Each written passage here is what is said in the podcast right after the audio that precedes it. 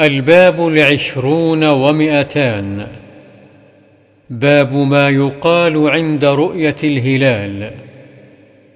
عن طلحة بن عبيد الله رضي الله عنه أن النبي صلى الله عليه وسلم كان إذا رأى الهلال قال اللهم أهله علينا بالأمن والإيمان.